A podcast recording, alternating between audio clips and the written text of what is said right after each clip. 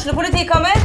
Ine Jansen er purk. Er du purk? The motherfucking bitch. Alt jeg vil, er å finne ut hva som skjedde med mannen min. Jon Carew. Er jeg sikta for noe? Iben Akeli. Det er du. Ole So, Lars Berrum og Big Daddy Karsten. Hvem sin side er du på, egentlig? Anette Hoff, Tone Danielsen, Kommer du fra Afrika? Jørnis Josef, Nesten. Kløfta. Trond Espen Seim, Det er synd å si det, men det var feil mann som døde. Purk. Premiere tirsdag på TV2 Play. Ungsamtalen fra DNB er økonomisk veiledning tilpasset deg som er ung. Bokk en ungsamtale på dnb.no. slash ung. Det er kjempebra hvis du skal inn på boligmarkedet, hvis det er drømmen din, liksom. Det er det du skulle sagt. Og så kunne du ropt litt mer, da, sånn som jeg gjorde. Bam! Åh,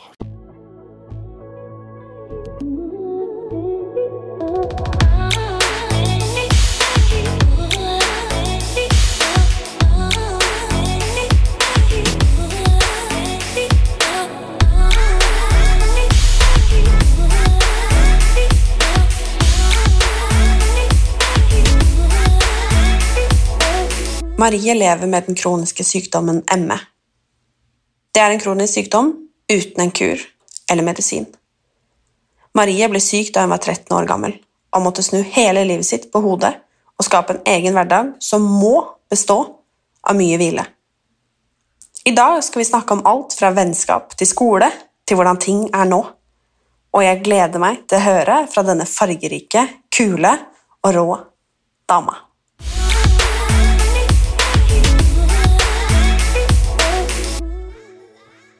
Når var det du fikk? ME? Um, jeg fikk ME-diagnosen satt i 2019, men det var på en måte ikke der hele reisen min startet. Den startet faktisk da jeg fylte 13 år, så det har jeg på en måte vært med meg helt siden jeg har vært 13, og nå er jeg 20.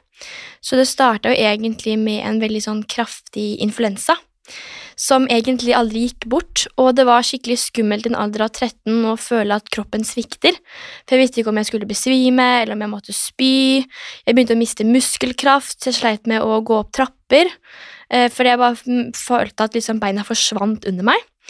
Eh, Og det her forsvant aldri, og hadde kjempekraftig feber i en og en halv uke uten at det ga seg, og mandlene mine var sykt hovne, så jeg dro til legen på nyttårsaften for en feiring, Eh, og da fikk jeg sagt at jeg hadde kyssesyken.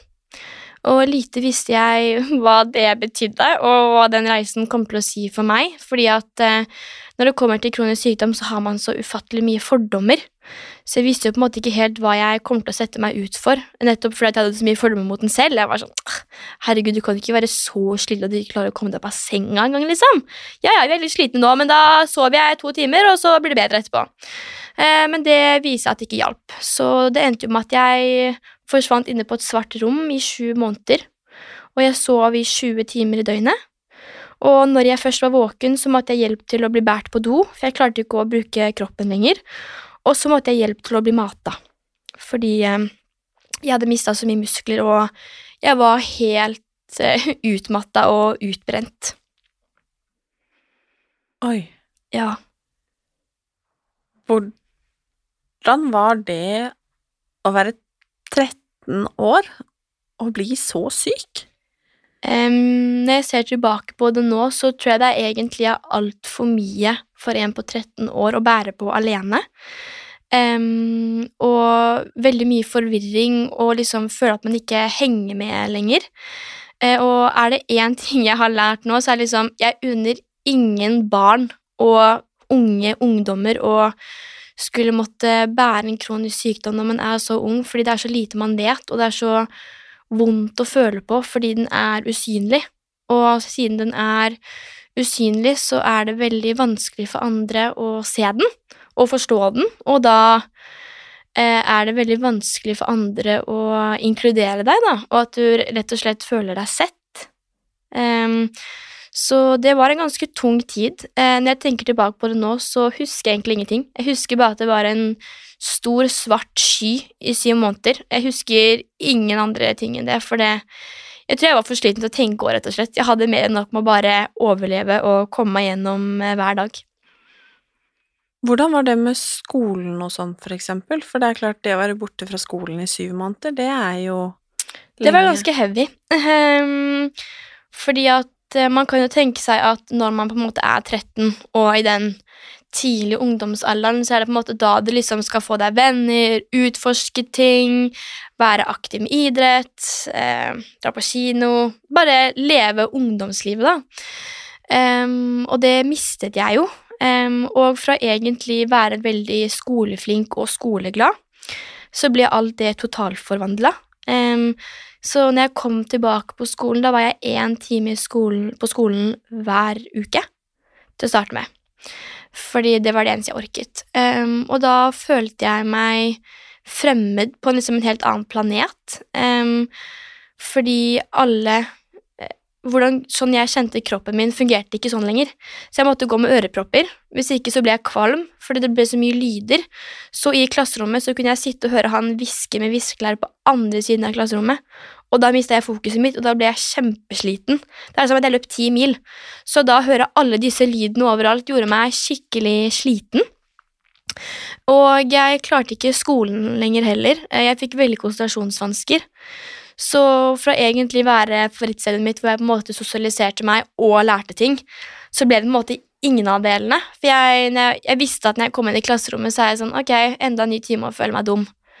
Bare få den her unnagjort, og så prøve å finne glede i noe jeg skal gjøre på ettermiddagen, eller prøve å tenke at smellen kanskje ikke blir like stor. Det er litt sånn rart, fordi um, Jeg prøver å tenke tilbake til jeg liksom gikk på ungdomsskolen og mm. var liksom 13 år. Og jeg også hadde mennesker på trinnet mitt, og til og med i klassen min, som var i en lignende situasjon. Og så prøver jeg liksom å tenke tilbake på hvordan det må ha vært for de. Ja. Vi var kanskje ikke så Selv om vi kanskje liksom sa sa hei og liksom og til og med kanskje så fint at du er her, liksom, så Så ble det jo veldig usynlig. Ja.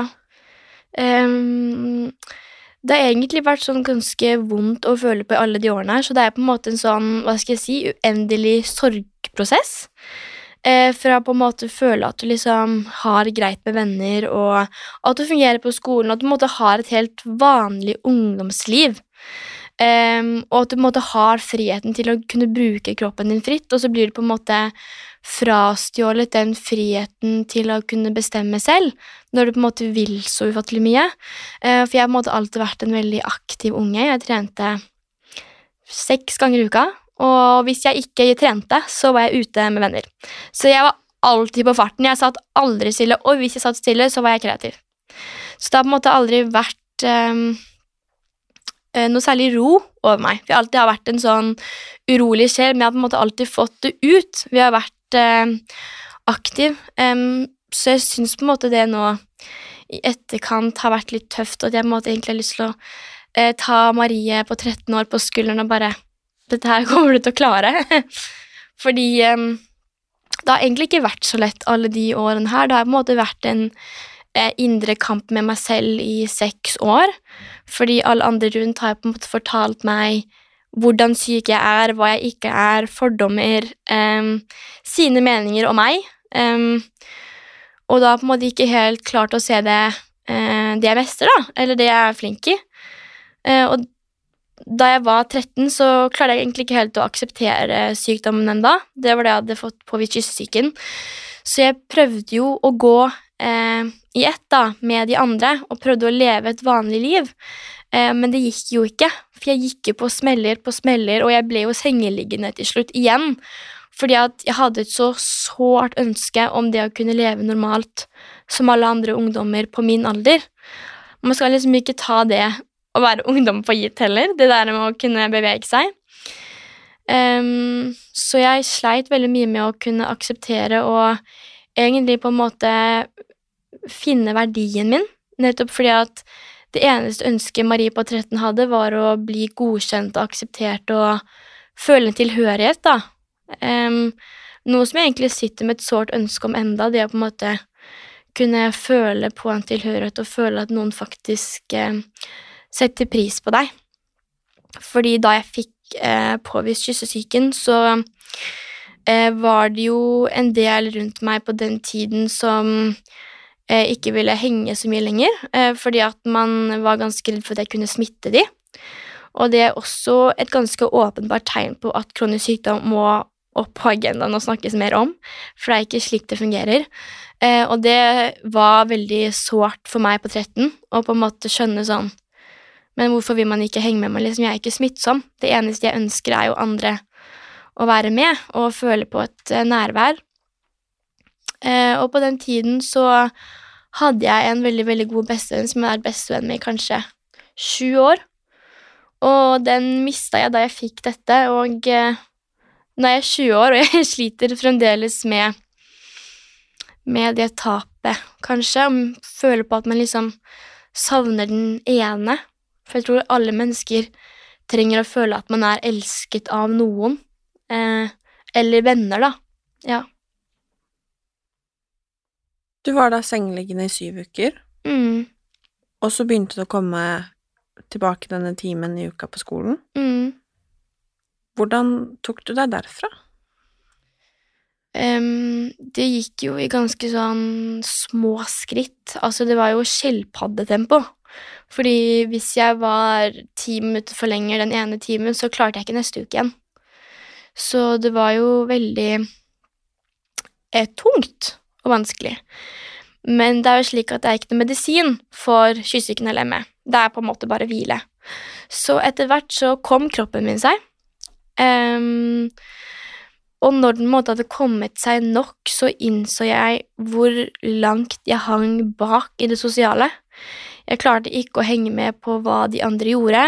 Um, følte meg veldig alene, for jeg følte liksom ikke at når jeg var borte alle disse månedene, så var det ingen som spurte etter meg heller. Um, så jeg følte meg egentlig aldri sett, og i hvert fall når jeg da ble litt friskere enn å kunne på en måte klare å forstå litt mer det som skjedde rundt, um, så var det veldig mye ekskludering. Um, hvor jeg da kunne liksom spørre sånn Hei, vil dere finne på noe i, i ettermiddag? Og da var det sånn Nei, du beklager, men vi kan ikke. Og så kom jeg da hjem til sosiale medier. Kanskje verdens vondeste oppfinnelse for de som er kronisk syke, og egentlig andre generelt. Eh, og da kom jeg hjem til sosiale medier hvor det er stappa med at folk er med hverandre, og at alle de er sammen eh, utenom meg. Og så er det mange sånne typiske sånn Du vet når du kommer inn i et rom med jenter, og så endrer hele stemninga seg når jeg kommer inn. Og så spør jeg sånn 'Å, hva snakker dere om?' Og så 'Nei, ingenting'. Og da har det på en måte bytta eh, samtaleevne helt. Og etter hvert så begynte de å si eh, at det ikke var plass til meg lenger eh, når, vi, når de hang sammen, og at vi hadde vokst fra hverandre. Så det var på en måte ikke noe poeng i å skulle henge lenger. Eh, og eh, etter en stund så byttet jeg skole. Og eh, hva skal jeg si, jeg gikk der egentlig bare for å få fullført ungdomsskolen. Em, har egentlig ikke noe særlig venner derfra.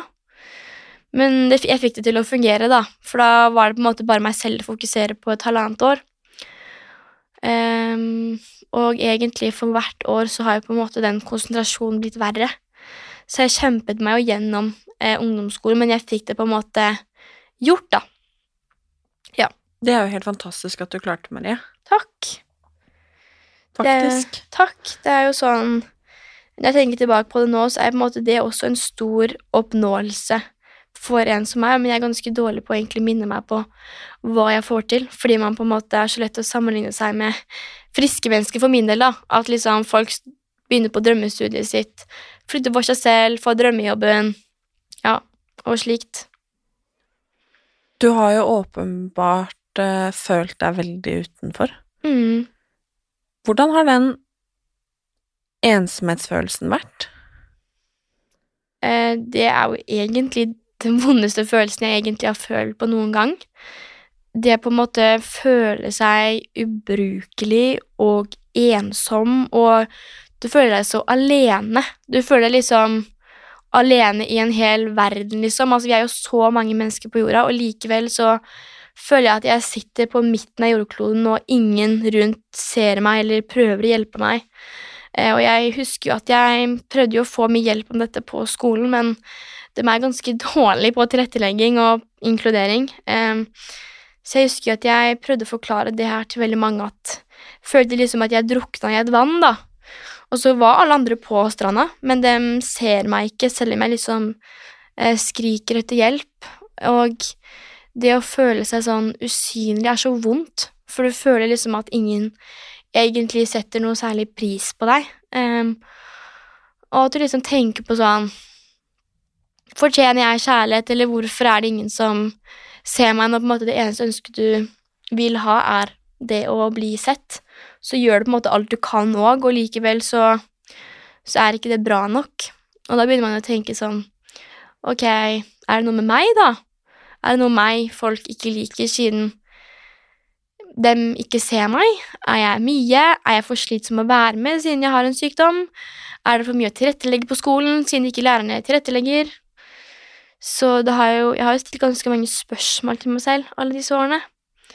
Men jeg har jo ikke kommet med noe klokt svar heller. Men det er jo på en måte en sorgprosess, både det å være ensom og det å godkjenne sykdommen sin. Så jeg har på en måte kommet til det punktet nå hvor jeg på en måte har akseptert meg selv, og at jeg um, tillater meg å føle på sorgen iblant, og at jeg er super som jeg er. Um, så det er bare at jeg har vært uheldig med menneskene jeg har vært rundt, og at uh, hyggelige mennesker finnes på jordkloden, og de kommer til meg, men ting tar litt tid, fordi jeg har liksom møtt på mer mennesker som gir meg vondt enn godt i livet. Så jeg har på en måte liksom tenkt sånn Ok, men når er det det gode kommer for meg, da? Mm. Det er jo egentlig utrolig at du klarer å sitte her i dag med en sånn styrke. Takk. Det må jeg si.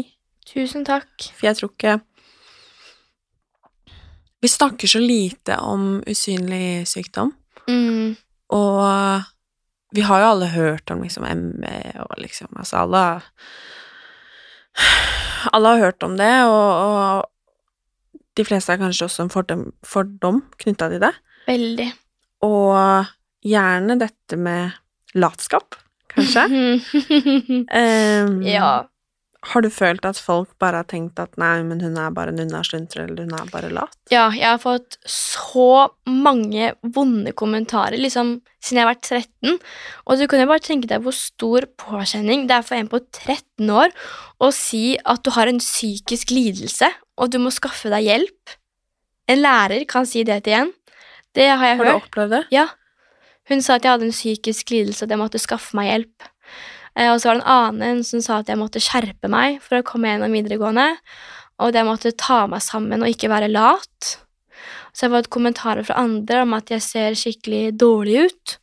Og så har jeg sagt sånn at jeg har det bra psykisk, men jeg har jo en sykdom. Å ja, så bra, for du ser ut som at du sliter psykisk. Um, og så er det folk som har sagt at jeg er lat, og at jeg Ja. Det har vært veldig mange, veldig mange fordommer mot uh, den sykdommen jeg har, og enda jeg har spilt med åpne kort helt siden jeg fikk det, så er jeg så overraska over folk, hva folk kan la seg si. At jeg er lat, og at jeg har en psykisk lidelse, at jeg må skaffe meg hjelp, at jeg må skjerpe meg, at jeg må ta meg sammen, at jeg må slutte å være lat, og at jeg ser dårlig ut, og, og at jeg er så dårlig på å prioritere ting, og at jeg er egoistisk. Um, og at det kan ikke være så jævlig vanskelig å gjøre en skoleoppgave. Ja. Hvordan har det føltes å få disse kommentarene? Det har vært veldig vondt.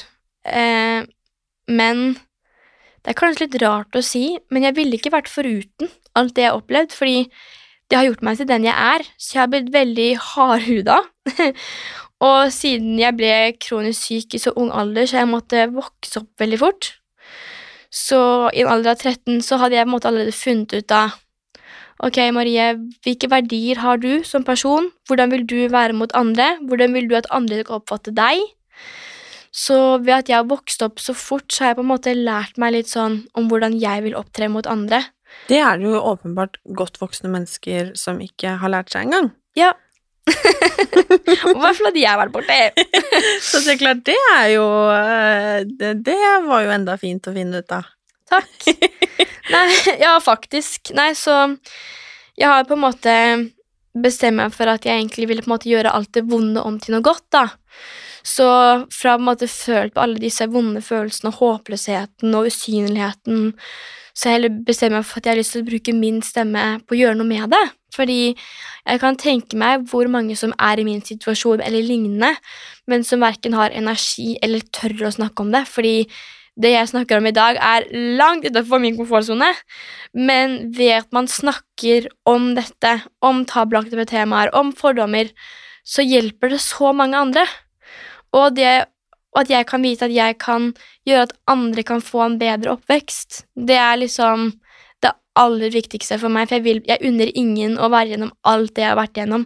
Så jeg gjør på en måte alt jeg kan i min makt for at andre kan få en så fin oppvekst som mulig.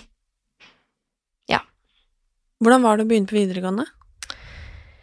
Jo, jeg tenkte jo at det skulle bli mitt nye kapittel i livet. Sånn super exciting, fordi det er faktisk noe jeg har valgt selv. Jeg var supergira fordi jeg valgte en tekstillinje. Og eh, jeg fant ut at når jeg måtte søke videregående, så måtte jeg ta noe praktisk. Hvis ikke så hadde jeg falt ut, nettopp fordi at jeg har så mye konsentrasjonsvansker, så jeg må ha noe jeg føler på mestring med. Um, så jeg kom inn på denne tekstillinja og tenkte sånn Ok, yes, nå får jeg faktisk kanskje venner med samme interesser, folk er litt eldre, kanskje det er lettere med inkludering, og at man kanskje kan se hverandre for det man er, da, og at det ikke er så mye overfladiskhet, for det er det veldig mye av når man er ung. Um, men det var jo tre vonde år, det òg. Det var vel kanskje mer tårer enn det var latter og glede. Eh, det startet ganske bra, for jeg var ganske, jeg var ganske god form. Jeg deltok faktisk i Norgesmesterskapet i, i bryting. Oi! I første klasse på videregående. Wow! Trente fem ganger i uka. Oi, wow. Ja, så jeg har vært eh, Så det som er med ME, er at du kan ha veldig dårlige perioder, så kan du ha veldig bra perioder. Nå skal det sies at når jeg hadde disse bra periodene, så gjorde jeg ikke noe annet enn å spise, sove, trene, spise, sove, trene, men det var det som ga meg glede. Men eh, videregående var en ganske bra start, for jeg hadde veldig greit med energi på den tiden. Og jeg fikk meg ganske mange kule venner. Eh, men det har seg slik at det jeg føler eh, med meg, er at når folk blir kjent med meg, så er de veldig gira i to måneder, og så faller de fra. Og den følelsen er veldig vond, for jeg ser mønsteret, så jeg vet når en person faller fra. Så jeg husker jeg fortalte min at mamma, det her er siste gangen hun kommer til å spørre om å finne på noe med meg. Eh, og så var det det.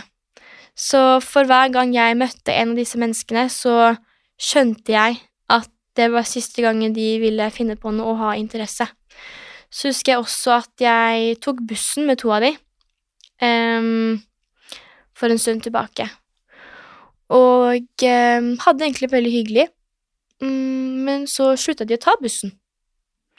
Så skjønte jeg ikke helt hvorfor, for de sa de hadde byttet. Så fant jeg ut at de hadde bytta, så tok jeg den sammen med dem, men da bytta de igjen. Så ble de kjørt.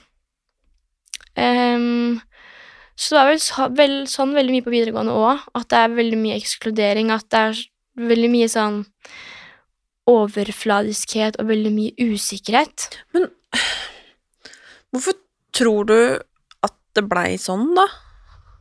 Mm, det er kanskje ikke noe jeg har ville innsett til meg selv før, men jeg ser jo at det å være kronisk syk um, ødelegger veldig mye fordi man ikke kan se den, eh, så kan man ikke tro på den, og da vil man ikke tilrettelegge den.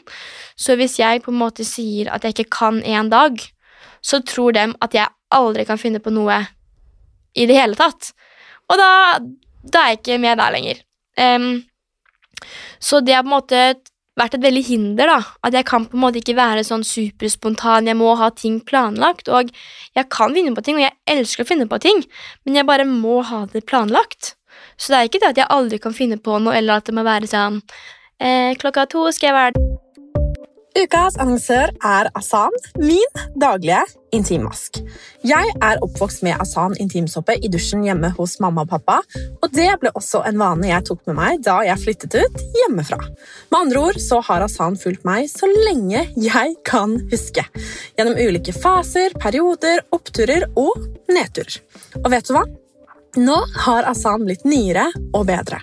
Med et oppdatert utseende, ny logo og bedre formulering som er ekstra mykgjørende. Den inneholder naturlig melkesyre for å bidra til å opprettholde den naturlige pH-balansen i intimområdet vårt. For visste du at sterk parfymerte såper kan forstyrre pH-balansen i underlivet? Intimsåpene fra Asan har en kremet konsistens som gir en behagelig følelse etter vask, og de har intimprodukter for å passe alle og enhver for at du skal kunne ta vare på balansen. Der, og klokka halv to skal jeg spise, klokka tre skal jeg være der, så det er ikke sånn. Men det er bare sånn Hei, vil du møte meg på onsdag? Ja, det kan jeg. Ok, da har vi en plan. Det, det som er det kjipe, er bare at jeg kan ikke bare sånn Hei, vil du møte meg i kveld? Eller dra på en fest, fordi videregående er jo veldig mye festing. Eh, men jeg har jo aldri vært noen festeperson. Egentlig fordi jeg ikke har vært i form til det. Men jeg har også liksom ikke helt hatt interessen for det.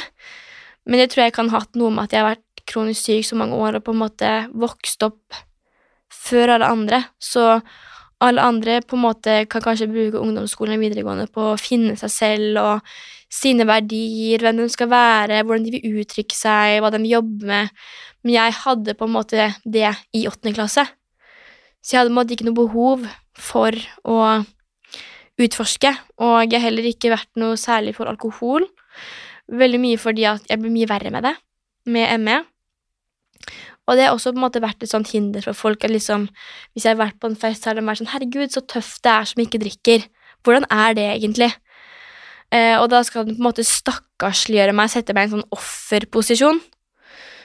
Eh, og så er det veldig mye usikkerhet på videregående.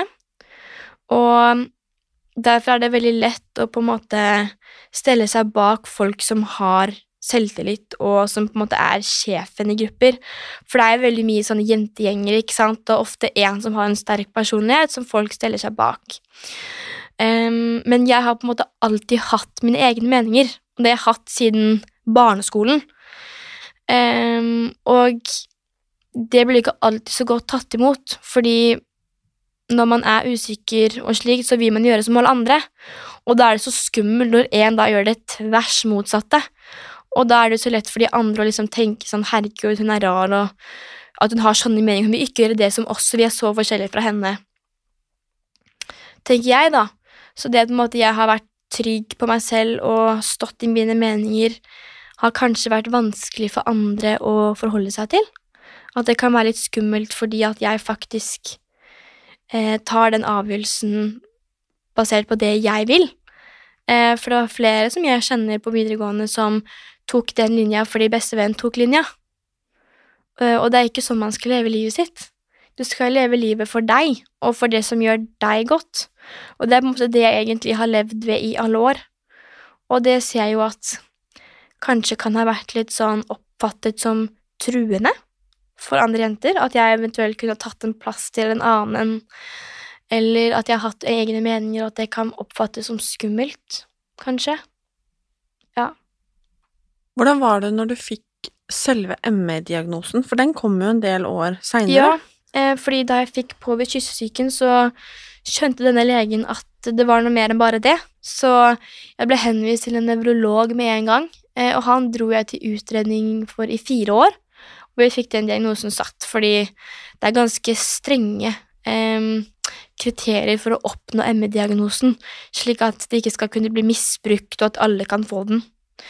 Um, men da jeg fikk den, så var det veldig lettende. Da liksom følte jeg endelig at det var en, et ordentlig svar på hvordan jeg hadde fungert. Uh, fordi kyssesyke er én ting, men på en måte ME er på en måte hva skal jeg si, eh, sykdom nummer to, altså fasen etter syken hvis det ikke går over.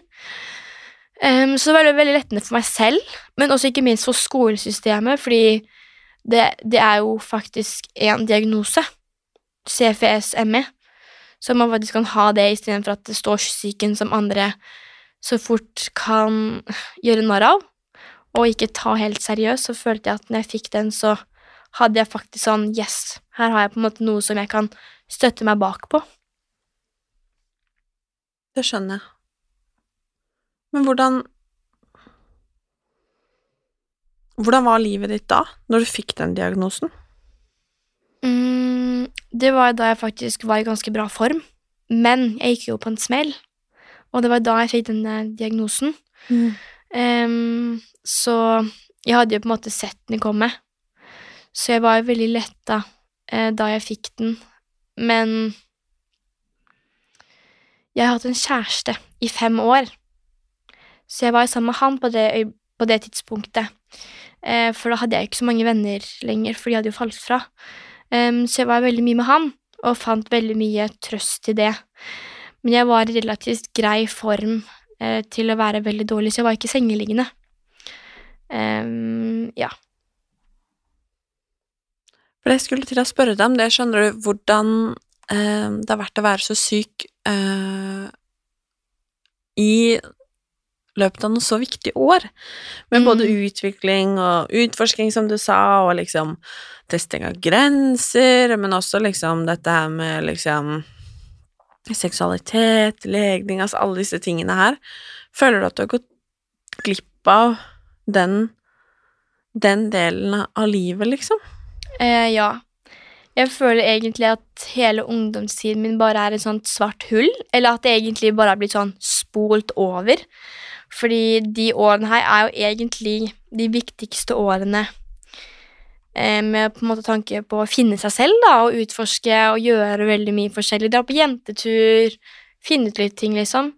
Eh, men jeg har på en måte aldri hatt muligheten til det, eller sjansen til det.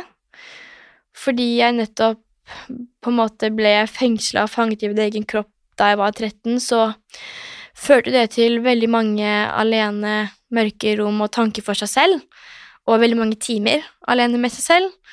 Um, så det fikk jo på en måte meg til å liksom gå gjennom alle de årene folk går gjennom nå, da. Så jeg er jo kanskje 40 mentalt. mm, selv om jeg er fanga i en 20-årig kropp, da, nettopp fordi at eh, jeg har på vokst opp så mye fortere enn alle andre, for jeg har hatt så mye tid for meg selv med å tenke på ting og, og verden. Um, så jeg får jo på en måte vondt av det når jeg tenker tilbake på det, og i hvert fall Marie på 13, for jeg på en måte Da kjempet jeg jo for å på en måte leve som alle andre, og det såre ønsket om å være normal, da, Um, og at jeg på en måte da pressa meg mye mer enn jeg egentlig burde. Um, det tok meg seks år å akseptere sykdommen min og faktisk sette grenser. Um, og det har egentlig vært veldig vanskelig. Jeg fikk kjæreste da jeg var 14, 15, og gjorde slutt da jeg fylte 20. Så han har på en måte vært, eh, vært min ene, da, i alle disse årene, og det har jo egentlig eh, hjulpet når jeg ser tilbake på det nå. Eh, for uten han så hadde jeg følte meg ganske naken, for jeg ikke hadde noen, egentlig. Så jeg har jo gått glipp av veldig mye, men likevel så har på en måte det gjort meg til den jeg er, og så mye livserfaring jeg har, og så mye jeg har opplevd, sånn med tanke på alt jeg har vært gjennom, da. Eh, ja. Nå er du eh, 20. Ja. Og hvordan ser livet ditt ut nå, med sykdommen? Jeg har aldri hatt det så bra som jeg har det nå. Så fantastisk. Ja, eh, mentalt. Så eh, i, i dag er det faktisk akkurat et år siden jeg tok eh, Pfizer-vaksinen, eh, som gjorde meg kjempedårlig. Eh, da var jeg sengeliggende igjen i noen uker, og den ødela kroppen min helt, og liksom bare, Det var som om den tok kroppen min og bare knakk den i tusen biter. Så for et år siden jobbet jeg faktisk på Stoff og Stil, eh, men jeg kollapset på jobb, så jeg måtte si opp. Og etter det så har jeg på en måte bare prøvd å bygge meg opp der jeg var. Um, og det er først nå jeg har dratt til psykolog, for å få utrede ADHD uh, og for å få hjelp, fordi i alle disse årene så har alle hatt mening om meg og min mentale helse, så jeg hadde en sperre i ganske mange år for å dra til psykolog, fordi at jeg var så fryktelig lei av at alle skulle fortelle at jeg sleit mentalt når jeg ikke gjorde det, fordi eh, jeg har jo laget meg min egen måte å fungere på, eh, siden jeg på en måte har slitt med ME, da. Så det, jeg ble så lei meg og såra, og det var så vondt at måte, alle skulle fortelle meg hva jeg sleit med. Men så kom det til et punkt at jeg tenkte at Marie, nå, nå er du kanskje klar for det. Um, fordi um, ADHD-en um, ble mye verre, og at jeg gjerne kunne tenkt meg å fått den eh, diagnosert, og at jeg faktisk kan få hjelp med alt jeg har opplevd i tillegg. Og nå har jeg fått det, og er en utredning, og jeg har det så bra. Så nå har jeg på en måte akseptert sykdommen min. Jeg har på en måte Det er en healing-prosess gjennom hele oppveksten, men jeg gjør på en måte det beste ut av det. Jeg bruker hverdagen min på det jeg vil, og de små gledene jeg har. Um, og jeg har på en måte skjønt at om det ikke blir plan A, så kan det bli en plan B, plan C, plan Å. Det er på en måte så mange veier til målet, og det er helt greit å bane den mens du går. Ja. Mm. Føler du noen gang at eh, du sitter litt fast med tanke på at eh, mange av de på din alder kanskje jo, men flytter hjemmefra, som du sier, begynner å liksom studere, eh, noen liksom har allerede begynt å etablere seg, ikke ja, sant? Det det er Eh, faktisk skummelt. ja. Eh, hvordan føles det? Um, det er en sånn sorgprosess som jeg på en måte må ta inn til meg iblant. For det er på en måte noe jeg aldri kan sørge nok over, eller jeg blir aldri ferdig med det. Eh, og det har vært en ganske vond følelse, på en måte, det å føle at livet mitt har blitt satt på pause, mens alle andres liv bare fortsetter, og de lever drømmen sin, bare lever livet, da, når jeg på en måte ikke har den friheten eh, lenger. Um, fordi at jeg har så mange ønsker i verden, og så mange mål, og jeg elsker å jobbe, og jeg elsker å gjøre ting hele tiden. Så det er så vondt at jeg på en måte ikke kan oppnå de, fordi at helsen min stopper meg. Og det er på en måte ganske vondt når jeg da ser de rundt meg liksom bytte ut for seg selv, bli selvstendig, eh, begynne på drømmestudiet sitt og på en måte bare starter drømmen på livet sitt, da. Eh, og så sitter jeg på en måte hjemme hos mamma og pappa og på en måte kan ikke noen av de tingene, fordi jeg har hatt et veldig sånt sårt ønske om å på en måte kunne være selvstendig i en alder av 20, men jeg klarer ikke å lage egen frokost, for det blir jeg for sliten av, og sånn som jeg skulle hit, så blir jeg kjørt, fordi det å ta kollektivt er for slitsomt for meg, så jeg ser på en måte egentlig hvor eh, mye handikappet jeg er med tanke på at jeg ikke er noe selvstendig i det hele tatt, men jeg vil så gjerne bli. Um, og så det som har vært ekstra sårt nå, er kanskje den fadderuka. Fordi da ser du liksom alle skal begynne på nye ting, så mange opplegg, sosiale sammenkomster. Jeg elsker å prate med mennesker og, og bli, være sosial. Og liksom da tanke på om man kan skape seg nye nettverk og kjennskap, venner, eh, har vært eh, ganske vondt. Så føler jeg på en måte at kanskje man noen gang glemmer hvor heldig man er for å kunne nettopp klare å studere, for å klare å ta kollektivt, for å klare å trene, for å klare å være med venner. Um, så jeg syns det er så viktig at man klarer å sette fokus på at hvor takknemlig og heldig man er for at man klarer å gjøre det man faktisk gjør, da. For sånne hverdagslige ting som det der er det mange som ikke klarer. Blant annet meg, da. Um, så det har vært ganske vondt i mange, mange år, og det er på en måte en prosess jeg aldri tenker blir ferdig heller. Men du må på en måte bare akseptere den, la sorgen komme, og så gå videre. Og så sånn går det i en sånn uendelighetssirkel. Kommer du noen gang til å bli frisk, tror du? Mm, Jeg fikk beskjed om at jeg aldri kommer til å bli frisk, men du kan finne måter med å fungere det på. Eh, fordi for fire år siden så trente jeg jo, så jeg har jo fungert ok. Men det er det å komme dit igjen, fordi jeg sitter nå fire år senere og betaler for den smellen jeg gikk på for fire år siden, og smellen i fjor fra vaksinen. Så jeg kommer aldri til å bli frisk, men det handler om å finne en fin måte å fungere det på, fordi får, det handler om å ha det så bra som du kan ha det i den situasjonen, fordi perfekt blir det ikke uansett. Så det er på en måte det der å godkjenne realiteten og sannheten, fordi det å godkjenne realiteten eh, har vært veldig skummelt. Jeg har på en måte prøvd å unngå den ganske lenge, eh, for det er så skummelt å på en måte skulle fronte den ansikt til ansikt at jeg liksom må innse hvor dårlig jeg faktisk er. For jeg mener jo at jeg er jo så mye mer enn ME. Jeg er liksom Marie med ME, jeg er ikke ME med Marie. Men problemet er jo at samfunnet og de folk rundt meg skal jo på en måte ha til at det er ME med Marie, at sykdommen min setter så mye sperrer at man nesten ikke ser meg. Eh, og det er egentlig ganske vondt, for jeg er på en måte så mye mer enn den. Ja. Hva kan man som medmenneske, Maria, gjøre til en som er kronisk syk?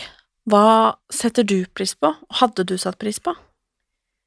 Um, det er vel på en måte ett ord som jeg på en måte tenker er det viktigste, og det er å bli sett. Og det er egentlig så lite som skal til for at mennesker blir sett. Det er liksom enten et hei når du kommer på skolen hvis du kommer, eller en tekstmelding sånn 'Hei, du, nå er det lenge siden jeg hørte fra deg. Hvordan har du det egentlig?'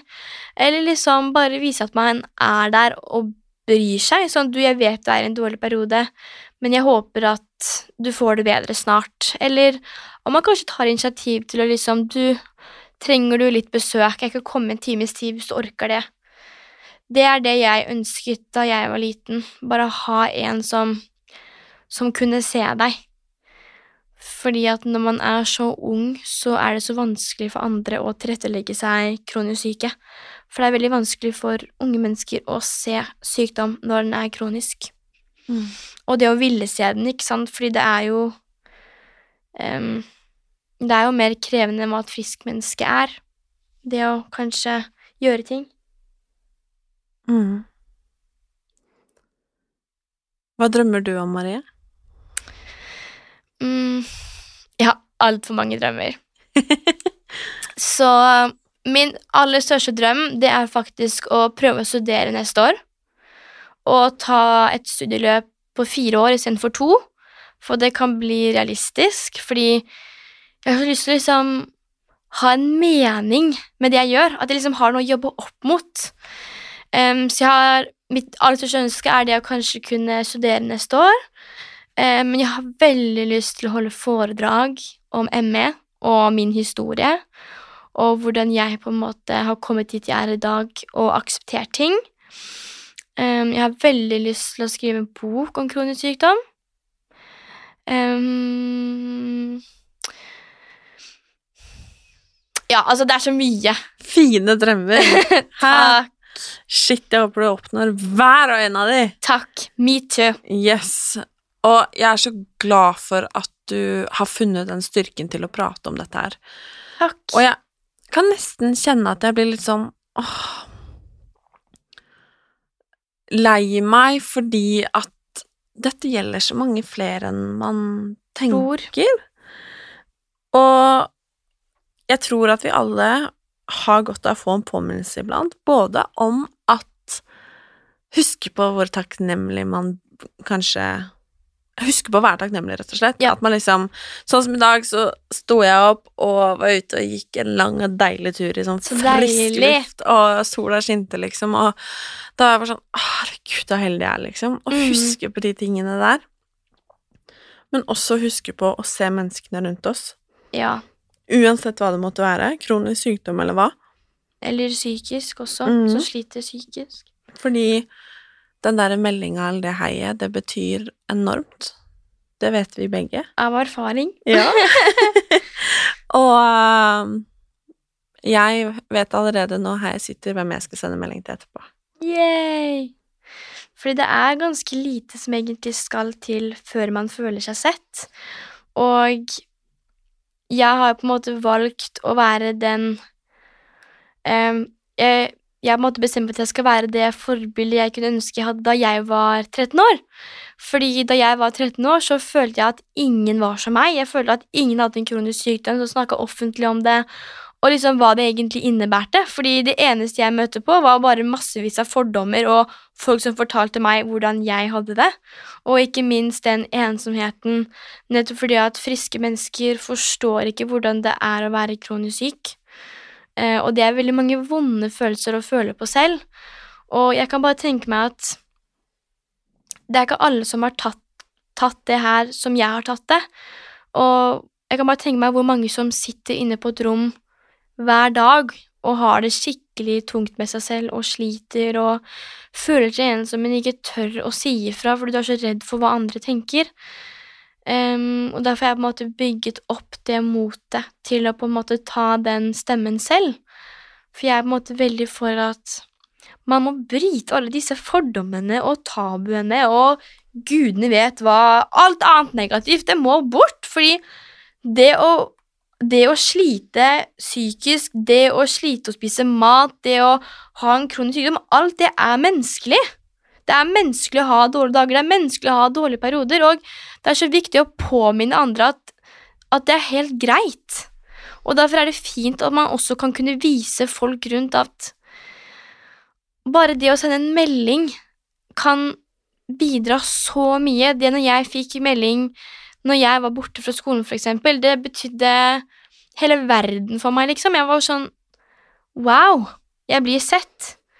Det var jo ikke så ofte jeg fikk det, da, for så vidt, men nå i etterkant så har jeg fått mer. For jeg har på en måte Jeg er på et godt sted eh, når det kommer til de jeg eh, er rundt nå.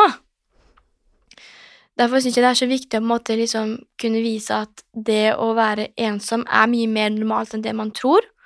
Og man må ikke alltid tro på det man ser på sosiale medier. For det som måte har vært litt frustrerende, er at jeg har fått så mange meldinger på at jeg har så mange venner.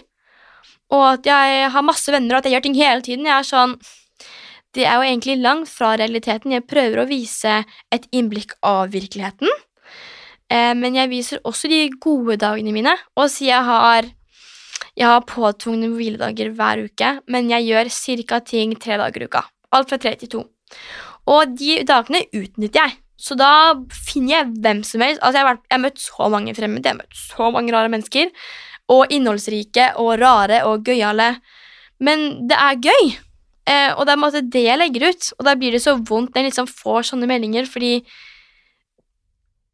det er jo ikke realiteten. Jeg har jo følt på en vond sorg siden jeg har vært 13, om at jeg har vært ensom og aldri følt at jeg har hatt den ene eller hatt noen som oppriktig har brydd seg, da. Um, så det her er på en måte min måte å takle det på. Og på en måte at jeg må bare kaste meg ut i det, Fordi hvis jeg ikke kaster meg ut i det, så skjer ingenting. Forandringer er skummelt, men forandringer er nøkkelen for at man selv kan få det bedre ved seg selv. Um, ja, rett og slett. Jeg er så enig. Mm. Og jeg er så glad for at du hadde lyst til å komme hit, Marie. Selvfølgelig. Og at uh, i dag var en god dag, og at du fikk til det. Absolutt. Jeg håper det blir mange gode dager framover. Jeg også. Og så uh, håper jeg at uh, drømmen din om å begynne å studere neste år går. Takk. Hvis ikke så kommer det et år etter der òg. Og der igjen. Og der igjen. Oh, Som jeg så er pensjonist og 60 år, så skal jeg ta det. Og jeg skal heie likevel.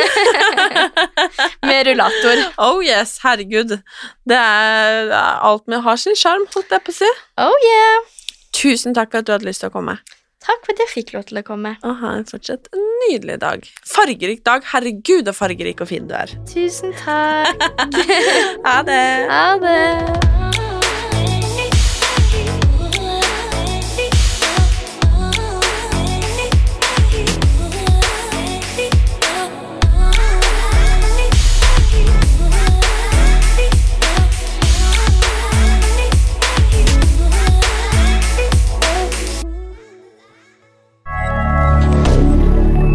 media.